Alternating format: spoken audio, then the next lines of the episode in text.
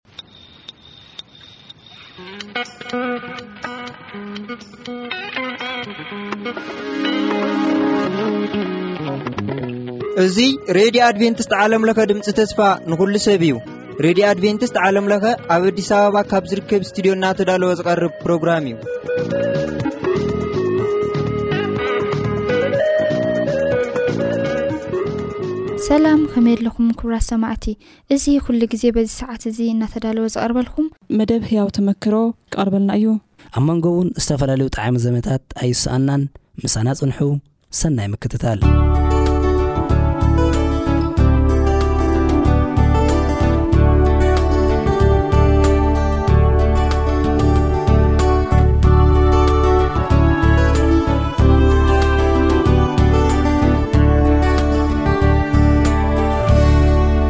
ፍትወይ ናተዩ ኣነ ድማ ናተ ኣነ ድማ እየ ናቱ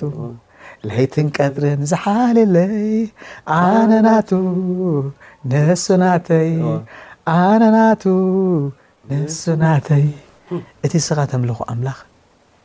ቀሊል ኣይነበረን ኢለኒ ፈልደኻ ሃሌሉያ ኢለ ፕሬዘ ሎርድ እግዚኣብሔር ይመስገን ኣምላኽ እሙን እዩ ኣምላኽ እሙን ኢሉ። ሰላም ኣምላኽ ንዓኻትኩም ይኹን ክቡራትን ክቡራንን ተኸታተልቲ መደብና ሎማዓንቲ ከኣኒ ኣብዚ ኣብ ኣዲስ ኣበባ ኣብ ዝርከብ ስቱድዮና ምሳና እቲ ታሪኽ ህይወቱ ዘዘንትወልና ዘሎ ሓውና ሳሙኤል ፍስሃየ ኣሎ ሳም ሓወይ እንቋዕ ደሓን መጻኻ። እንቋዕ ደሓን ጸናሕካ ረብሓ። ከመይ ነሩ ዝሓለፈ ሰሙናት? ጽቡቅ ነሩ ብጸጋ ኣምላኽ። ብጸጋ ኣምላኽ ኣዎ። እግዚኣብሔር ይመስገን እወ። እግዚኣብሔር ይመስገን። ሎማዕንቲ ከኣኒ ብሓንሳብ ምልስ ኢልና ማለት እዩ። መቸም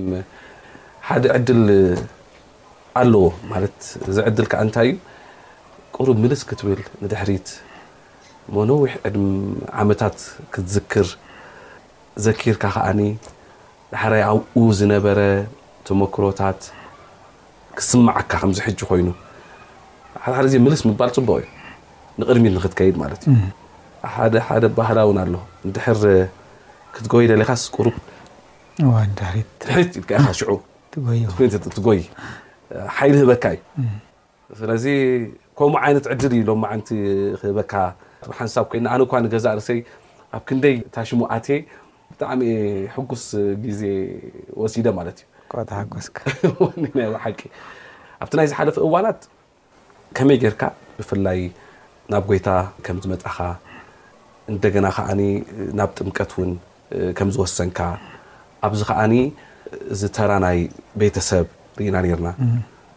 ቤተሰብ ከኣ ዝጻወቶ ዓቢ ዝኾነ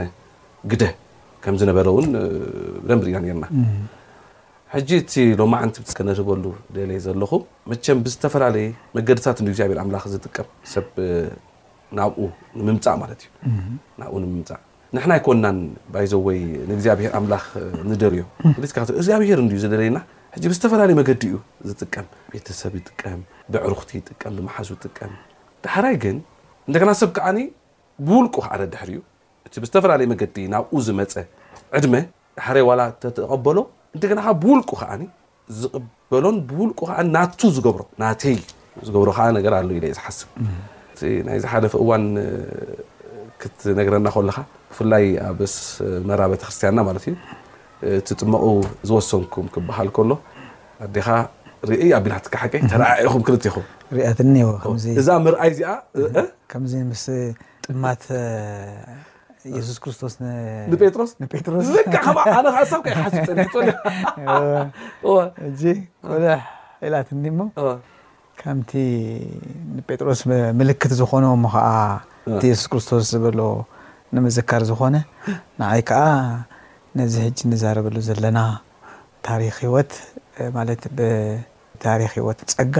ክብሎ ምክንያቱ ብጸጋ እዩ እዚ ኩሉ ኣነ ዘለኹዎ እሞ ነዚ እንብሎ ዘለና ኩሉ ኣውራ ነገር ምክንያት ዝኾነት ቆላሕታ እያ እዚኣ። ቆላሕታ እያ ዝገርም እዩ ማማ እንተዘይትጥምተኒ ኣነስ ምሓለፍኩዋ ነቲ ኣክስተይስ ምሓለፍኩዋ እሞ ከኣ እስኻ ከኣስ ጠሚትካያ ክልቲኹም ስልምታይ ተጠኣሚትኩም ዝገርም ነገር እኮ እወ ኣነ ኤክስፔክት ገይረ ነይረ ሕጅስ ናታ ሪኣክሽን ሲ ኣብኡ ከም ተርኢ እጽበ ነይረ ይጽበ ስለ ዝነበርኩ ጽበያ ነይረ ንሳ ከኣ ትጽበየኒ እያ ነይራ ምክንያቱም ኣብ ገዛ ተዘራሪብና ነርና ቅድሚ ሕጂ ሓሊፍኒ ኣሎ ሓሊፍኒ ኣሎ ቅድሚ ሕጂ ደሓር መኺራትኒ ተዛሪባትኒ ምስ ኣብቀዐት እንድዩ ካብኡ እዚ ኣሎ ኣብ ኣእምሮይ ደሓር እታ እቲ ፓስተር ተማሂርኩም ንመጻኢ ክትጥመቑ እትደልዩ ሕጂ ክትስዑ ወይ ካብ ፍቓድኩም ከተርእዩ ኢሉ ምስ ሓተተ ቀልጢፋ ንዓይ እያ ደልያትኒ ድልየ ድልየ ኣቢላትኒ ደሓር ኣነ ኸኣ ርሕቀት ነይርዎ ዶ ኣብቲ ነይርዎ እወ ኣነ ብድሕሪኣ እየ ኮፍ ኢለ ነይረ ብድሕሪኣ እሳ ብየማን እወ ምስ ባባያ ከማን ነይራ ኦ። ሽዑን ደሓር ኣነ ኸኣ ብጸጋም ሸነኽ ዘለዋ ናብር ኦ። ብ- ብኡ እየ ኮፍ ኢለ ነይረ ደሓር ኣነ ቀልጢፉ ከምኡ ምስ በለ ንዓ ርእያ ነይረ ኣነ ኣ- ኣቐዲመ እዚ ኣበይ ከም ዘላ ፈሊጠ ነይረ ንሳ ኣይፈለጠትን በየን ከም ዘለኹ ጥራሕ ዝውር ኢላ ካብቲ ከባቢኣ ጀሚራ ንድሕሪት ከምዚ ኢላ ጥይ ምስ በለት ርኽብ ኣቢላኒ ተራኺብና ሽዑ ተጠማሚትና ከምዚኣ ኢልና ኣነ እውን ገርሄ ማለት እዩ ኮይኑ እምበር ከይጠመትኳስ ናብ ካልእ ከብል እኽእል ነይረ ግን ሕልዋ ስለ ዝነበርኩ ርኢ ኣቢለትን ርኢ ተጠማሚትና ከምቲ ዝሓለፈ ዝበልኩኻ ሕጂ ሰብ ብዓይና ተዛረበካ ትቋየቅካ ክትቋየቕ እንድሕር ደልያ ፈጠጥ ተብለልካ ሽዑ ናይ ሓደጋ መብራሂት፣ ሬድ ላይት፣ ተወሊዑ ኣሎ፣ ምሉእ ኢድካ ክትወጽእ። እዚኣ ከኣ ናይ ምድፍፋር እያ ነይራ እታ። እወ እዚኣ ከኣ እቲ ምጥማታ ከኣ። ተዘራሪብና ደይኮናን ተዘራረብና'ኸ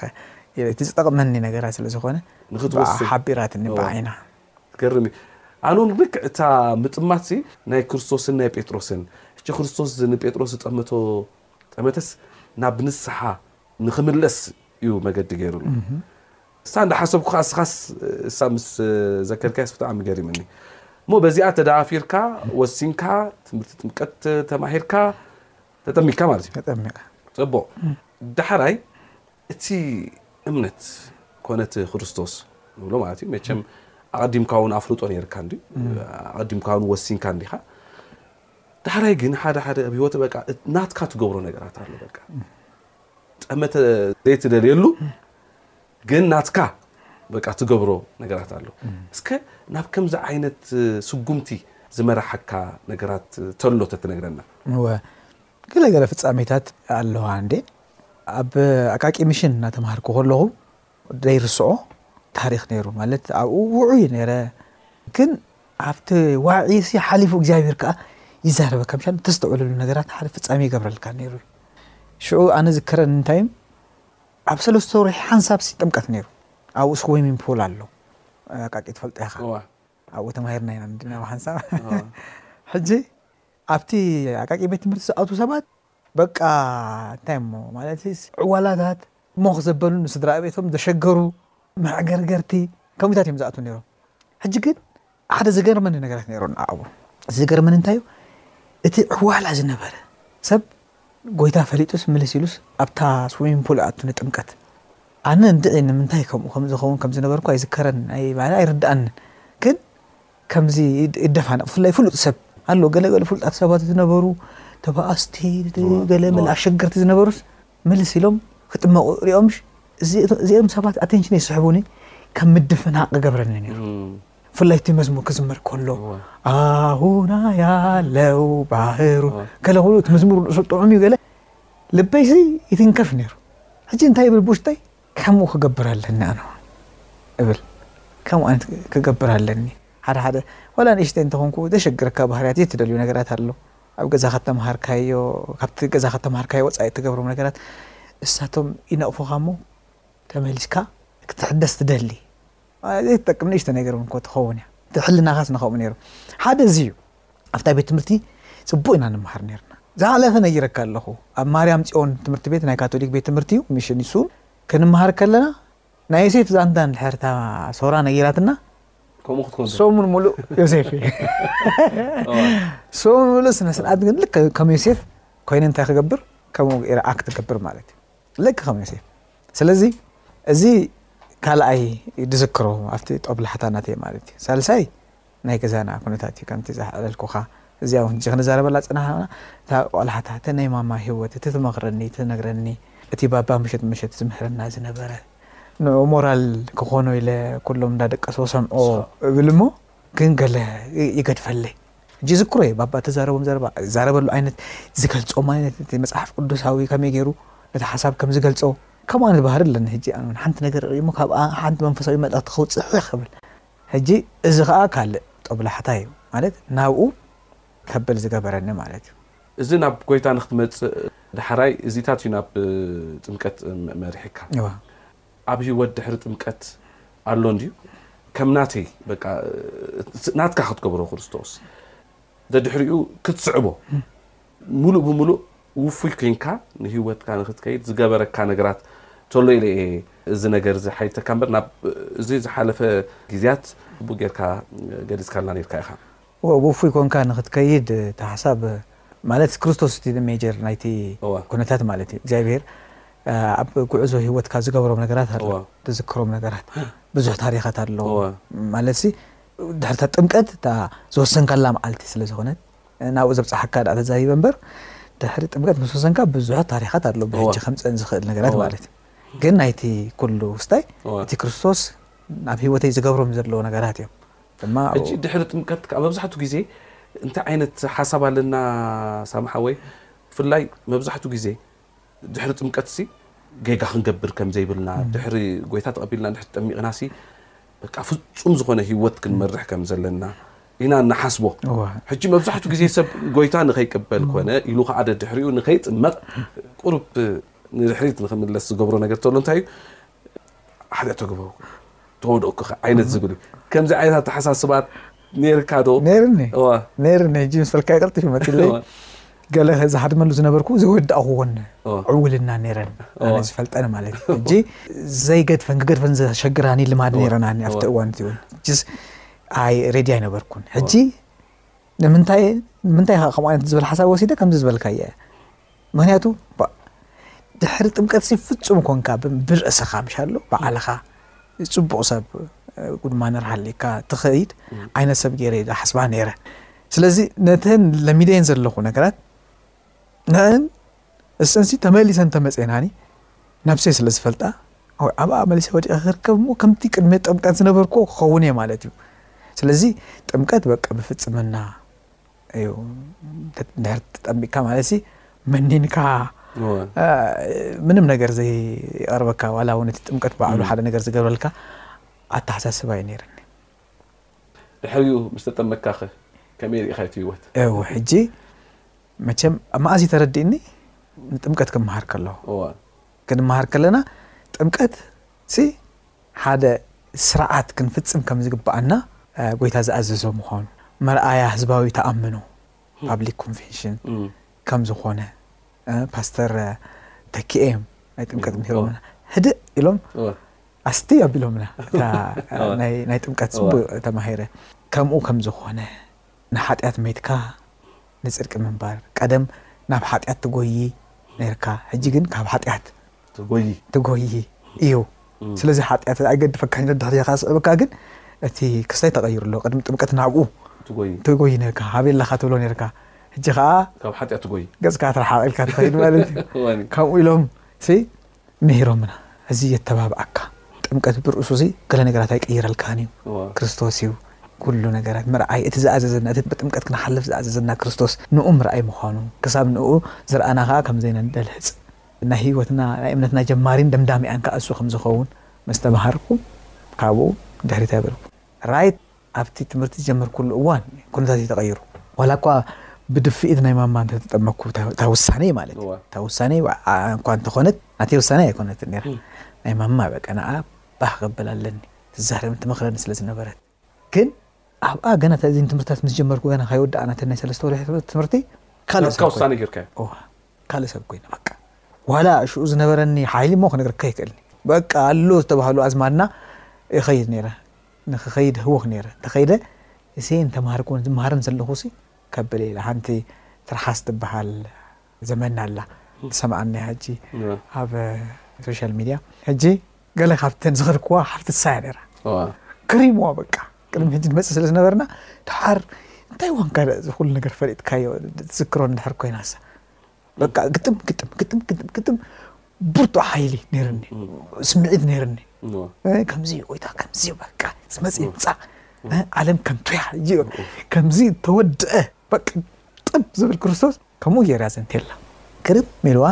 እግዚኣብሔር ይመስገን ብድሕሪኡ ንሳ ጎይታ ንጎይታ ፈሊጣ ሕጂ ኣብ እቲ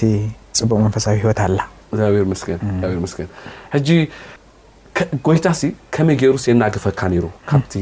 ሕማቅ ኣመላት ከመይ ከመይ እግዚኣብሔር ኣምላኽ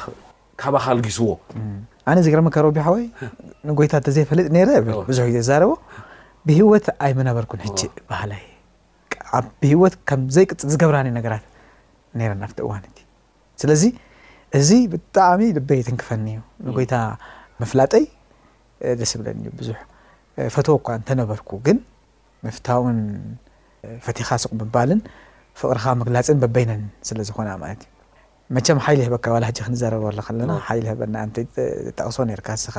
ናይ ዝሓለፈ ነገራት ምዝካርና ጽቡቅ ነገር እዩ ን ንኩሉ ንእምነትና ምድካም ምክንያት ዝኸውን ካብ ዝኾኑ ነገራት ሓደ እኮ ናይ ዝሓለፈ ኣምላኽ ዝገበረልና ነገራት ምርሳዕና እኮ እዩ እሱ ተንዘይ ትማሊ ብሄን ከም ዘሕለፈኒ ካብ ሓዊ ከም ዘውጻኣኒ እንድሕር ዘኪረ ሎሚ ከመይ ጌር ሓዊ ፈሪ ሕጂ ትማሊ ናይ ሓዊ ተመክሮ ርእየኪ ንሰይ ማለት እዩ ሕጂ እሞ ጽቡቕ እዩ እዚ ሓይሊ ይህበኒ ሕጂ እውን ገለ ዘዘንተዎም ነገራት ኣሎ ኣብቲ መንፈሳዊ ጉዕዞይ መቸም ዳዕዳ መገዲ ኣይጸንሓንን ከምቲ ገና እንዳተጠመቅኩ ከለኹ ንትርሓስ ዘመደይ ክነግራ ዝኸዶ ዓይነት ነገር ኣይነበረን ተቃዋማይ ነበረ ገለ ነበረ ደስ ኢላ ሰሚዓትኒ ገለ መለ ሕጂ መቸም ከምኡ ዲኻ ትጽበ ኩሉ ሻዕ ምስ ከድካ ከምኡ እዩ ግን ከምኡ ኣይጸንሓንን ብዙሕ መስገደላት ነይሩ ብዙሕ መከራ ዝሓለፍኩለን ነይሩ እቲ ኣነ ጎይታ ዝተቐበልኩሉ ኣስመራ ሻብዒት መዓልቲ ኣድቨንቲስት ቤተ ክርስቲያን እዩ ቅድሚኡ ካልእ እምነታት ርእየ ነይረ። ሕጂ ነቲ ጽኑዕ መሰረት ንክኾነኒ መጽሓፍ ቅዱስ ከኣ ዝያዳ ክፈልጦ ብፍላይ ከኣ እቲ ሓቂ እንታይ እዩ ከለልዮ ዝገበረኒ ካልእ ናይ ቤተ ክርስቲያን ተመክሮታት ድሓር ዘማዕበልክዎ ከኣ ኣሎ ማለት እዩ። ሕጂ ኣብዚ ጉዕዞ እዚ ግን ኣብ ሰንከልከል ዝበልኩሉ እናደገፈ እግዚኣብሄር ኣብ ዝተዓንቀፍኩሉ፣ ካብ ዝወደቕኩሉ እናተሰኣ ኣብጺሕ እንዳተኸላኸለ እቲ እምነተይ ሓልዪ ክኸይድ። ሕጂ ከምዚ ዝበልኩኻ ልክዕ ተጠሚቐ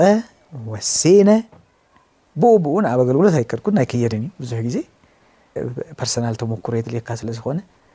ኣብ ከምዚ እዋን ከለኹ እየ ንሃገራዊ ኣገልግሎት ናብ ሳዋ ከይደ ትኩስ ከለኹ ማለት እዩ በቲ መንፈሳዊ ማለት እቲ መንፈሳዊ ዋዒ ኣለካ መቸም ጎይታ ሓድሽ ምስ ፈለጥካዮ ዘሎ ህይወት ትፈልጦ ኢኻ ስለዚ ኣብ ከምኡ ዓይነት ህይወት ከለኹ እየ ናብ ውትድርና ከይደ ናሽናል ሰርቪስ ሃገራዊ ኣገልግሎት እጂ ኣብኡ እዩ ብዙሕ ተመክሮታት ዘሎ ብዙሕ ቻሌንጅስ ኣብኡ ነይሩ ብዙ ተመክሮታተይ ከዓ ኣብኡ እዩ ነይሩ ምናልባት ካብኡ ክጠቅስ እንድሕር ኣፍቂድካለይ ኮንካ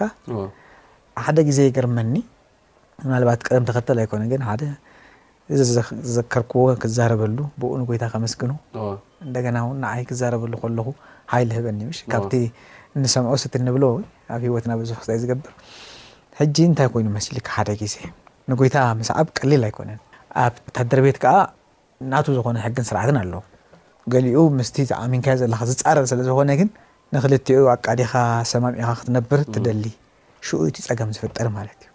ወይ እቲ ክትገድፎ ኢኻ ወይ ክትገድፎ ኢኻ ኣብ ገለ መቐራቑሮ የብጽሓካ እዩ። ሕጂ ኣብኡ እንታይ እዩ ነይሩ እምነትካ ፕራክቲስ ክትገብር ኣይከኣልን ብግልኻ ይከኣል እዩ ምስ ካልኦት ክትገብር ግን ኣይከኣልን።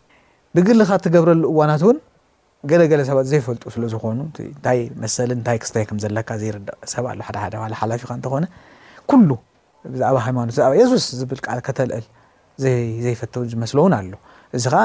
ናብ ዘይተደይ ካልእ ክስታይ ይገብረካ ማለት እዩ እጂ ንምንታይ ፌር ክኸውን ኢለ ኣብቲ ምስክርነተይ ሰባት ከይትንክፍ ኢለ እየ ዝዛረብ ዘለኹ እወ ምክንያቱ ሓደ ሓደ ግዜ ካብ ሕጊ ወጻኢ እትኾነሉ እዋናት ኣሎ ዘይከውን ስለ ዝኾነ ኣብ እምነትካ ዝበጽሕ ምስ በጽሐ ኩሉ እንዳገበርካ ሽዑ እካ ክትገብር ከም ዘለካ ሪኣክሽን ክትገብር ከለካ ዝመጽእ ጸገም ኣሎ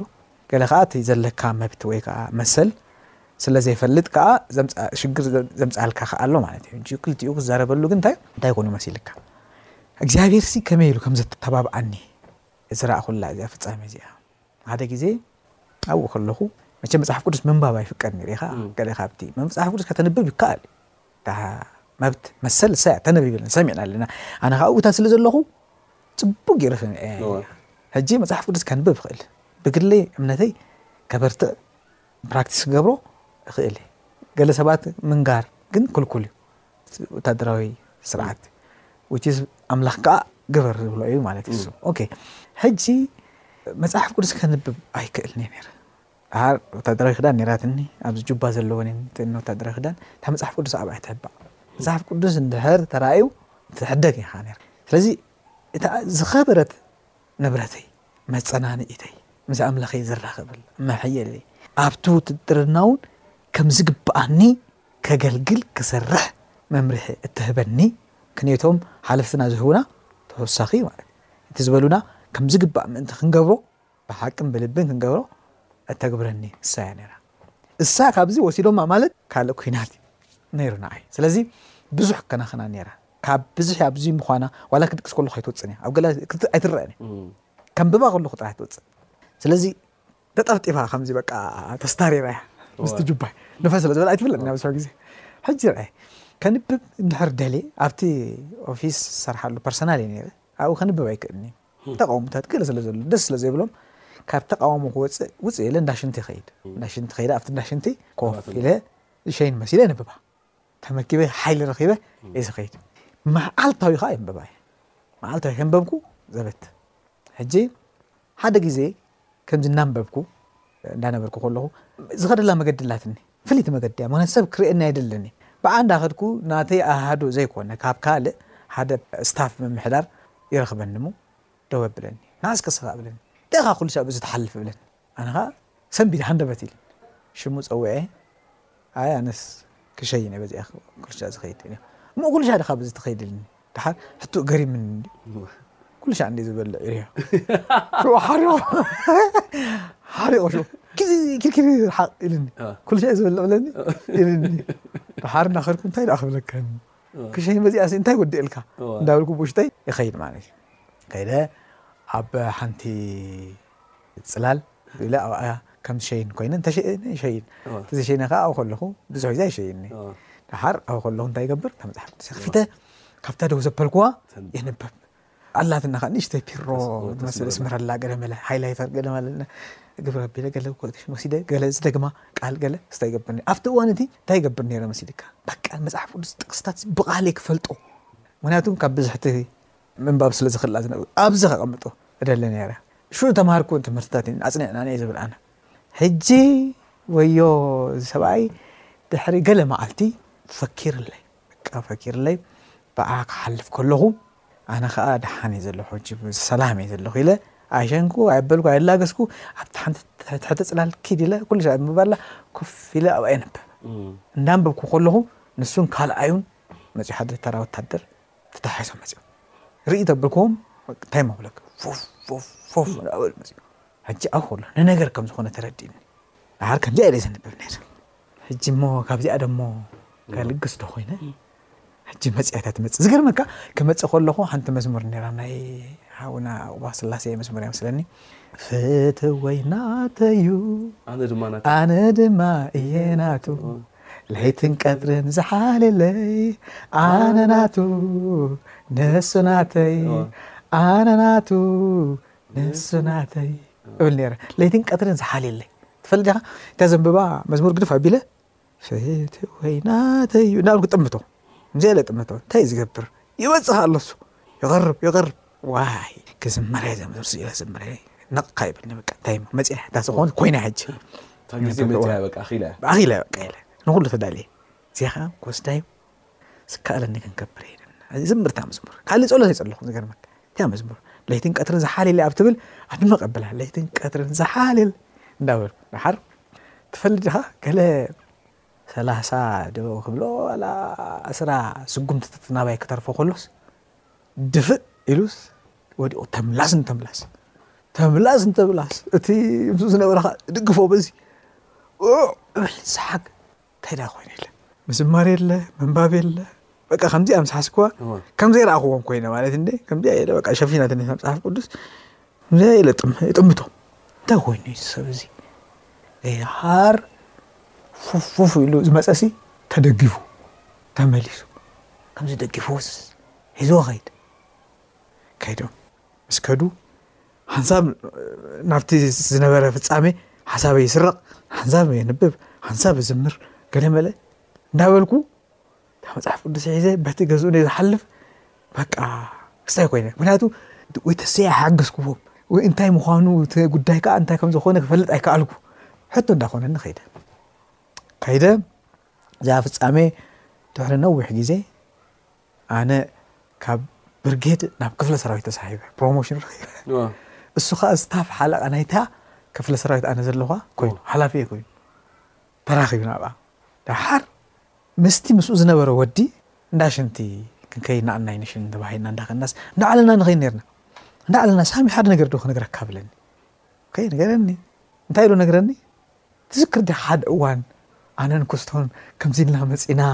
ኣብ ቅድሚኻ ከምልስ ተምላስን ተምላስን ክኸውን ትዝክሮ ዶ እብለኒ ሽዑ እወ እዝክራ እታ ፍጻሜ እቲኣ እንታይ እያ እታ ፍጻሜ ኢለዮ እንታይ ኮይኑ ሽዑ ኢለዮ ሽዑ እምባእ ሽዑ በቃ ከምዘይ ነበርካ ክንገብረካ ኢና መጺእና ነርና ውሳኔ ተወሲኒካ ተነጊርካ ተሃድሶ ክትኣቱ ትእሰር ኣብኣ ከኣ ጠዋዋ ከነብለካ ኢና ሓሲብና መጺእና ኔርና ኢሉ። እንታይ ደኣ ኮይኑ እዩ እንታይ ዝረኣኻያ? እዚ ወዲ ብድሕሪኡ ብዙሕ ነገር ተማሂሩ ኣሎ። እቲ ንስኻ ተምልኾ ኣምላኽ ቀሊል ኣይነበረን ኢለ ትፈልጥ ዲኻ? ሃሌሉያ ኢለ ፕሬዝ ዘ ሎርድ እግዚኣብሄር ይመስገን ኣምላክ ኤሙን እዩ ኣምላክ ኤሙን ኢሉ ናዕባ ኩዳ ኣልካ ቧዕ ካብዚ ልኣል እንታይ ደልየ እግዚኣብሔር ምሳይ ነይሩ እግዚኣብሔር ምሳይ ኣሎ እወ እግዚኣብሔር ምሳካ ኣሎ ሳሚ እጅ ቀሪብኒ ካብኡ ታሪክ ኣይነገርኩኻን ተመሓሒዝኒ ብድሕሪኡ ኣብኡ እውን ስለተራኸብና ገለ መለ ኣብኡ ካብ ምስውሱ ዝብል ተለኣኻዩ ናቶ ካእሱ ደሓር እዚ ኮይኑ ኢሉኒ ገሪመኒ እግዚኣብሔር ሰናይ ነዚ ንክፍኦይ ዝመጸ ተስፋ ክቁርጸኒ እታ ዝነበረትኒ ተስፋ ዝገብረላ እሳ እያ ነራ እታ ዝተረፈትኒ ቦታ ካብ ኩሉ ተሓቢኤ ዝንብብ ካብ ኩሉ ካዩ ጎደልኩ ዝገርመካ ኣብቲ ቦታ እቲ ሓላፊ ብጣዕሚ እዩ ዝፈትወኒ ኣባታዊ ምክሪ ገይሩ ይመክረኒ ሳሚ እዚ ደስ ኣይበሎምን እዞም ሓለፍትን ኣይፈተውዎን እዚ ትገብሮ ዘለካ ተንብቦ ዘለካ ገለ መለ ይዛረበኒ እሱካ ይከብድ ግደፍ እንተኢሎምካ ሕልኽ ኢካ ዝሕዘካ ኣነስ እታ ዝግባኣኒ ይገብር ኣለኹ ካብቲ ሕገይ ከዓ ኣይወፃኹን ኢልካ ትምጉት ኢኻ እዚ እንኩም ስለ ዝኾነ ኢለኒ ድሓር ኣነ እንታይ ጉዲለልካ ኢለ እንታይ ጉዲለልካ ፈልጥ እስከ ንገረኒ ካብታ ዝበልካኒ ካብቲ ዝግባእኒ ግብኦይ ሲ ዘይገበርኩ ኣሎ ብኡ ኣይሓመካኒ ካብቲ ዝግባእካ ንላዕሊ ኢኻ ትገብር ብኡ ቀሲነ ግን ንኣኻ ይዛረብ ዘለኹ ኣነ መልሲ ህቦም እየ ድሓን ንኣኻ ግን ይከላኸለለይ ኣሎ ማለት እኳ ብዙሕ ግዜ ይበሃል ኣሎ እሱ ጥዑይ እዩ ከምዚ ስርሑ ይሰርሕ ኣሎ ኣነ ኣይዛረቡኒ ይብል ነይሩ ነጊረኒ ከምዚ ይብለልካ ስለ ዘሎ ሓደጋ ከይውድቕልካ እምነት ናይ ግሊ እዩ እዚ ነገር የለን ዘሪበ ደሓን እስኻ እግዚኣብሔር እጁን ይደግፍካ ይሓለኻ ርእስኻ ሓሉ ብኣይሰይ ኣይትጎዳእ ኣነ ከዓ ዘኽፍኣለይን ዝፅብቐን ይፈልጥ ልዕሊ ኩሉ ከዓ ንጎይታ እዩ ዋላ ሓንቲ ሕማቅ ይገበርኩ ኣብዚ ትሕት ኢለ ክግዛኣኩም ዝገበረኒ ነገር እንተልዩ እዚ ቃል እግዚኣብሔር ኣምላኽ እዩ ኣነ ከምኡ ዓይነት ሰብ ኣይነበርኩን ክነግረካ እዩ እዚ ገዲፈ እየ ማለት ከምቲ ንስኹም ትደልዩኒ ዘይምዃን ማለት እዩ ኢለዮ ሽዑ ገሪሙ ገዲፈኒ ፍጻሜ እዚኣ እያ እግዚኣብሔር ከመይ ገይሩ ንእምነተይ ክሕልው ካብኡ ተስፋ ከይቆርጽ ካብ ዘስግኣንን ዘፍርሃንን ነገራት ከኣ ኣብቲ ዘፍርሃኒ ከይወድቕ ዝሓለወሉ ገለ ካብቲ ብዙሕ ሓደ ዝገርም ዛንታ እዩ። ክቡራትን ክቡራን ተኸታተልቲ መደብና እዚ ጥዑም ዝኾነ ዛንታ ታሪክ ህይወት ዝመፅ ዘሎ ሰሙን ሒዝናልኩም ክንመፅ ኢና መቸም ግዜ ስለ ዝድርተና ኢና ኣብዚ ደው ኣቢልናዮ ዘለና ኣብ ዝመፅ ዘሎ ግዜ ከዓኒ ነዚኣ ዛንታ እዚኣ ብኸመይ ከም ዝተዛዘመት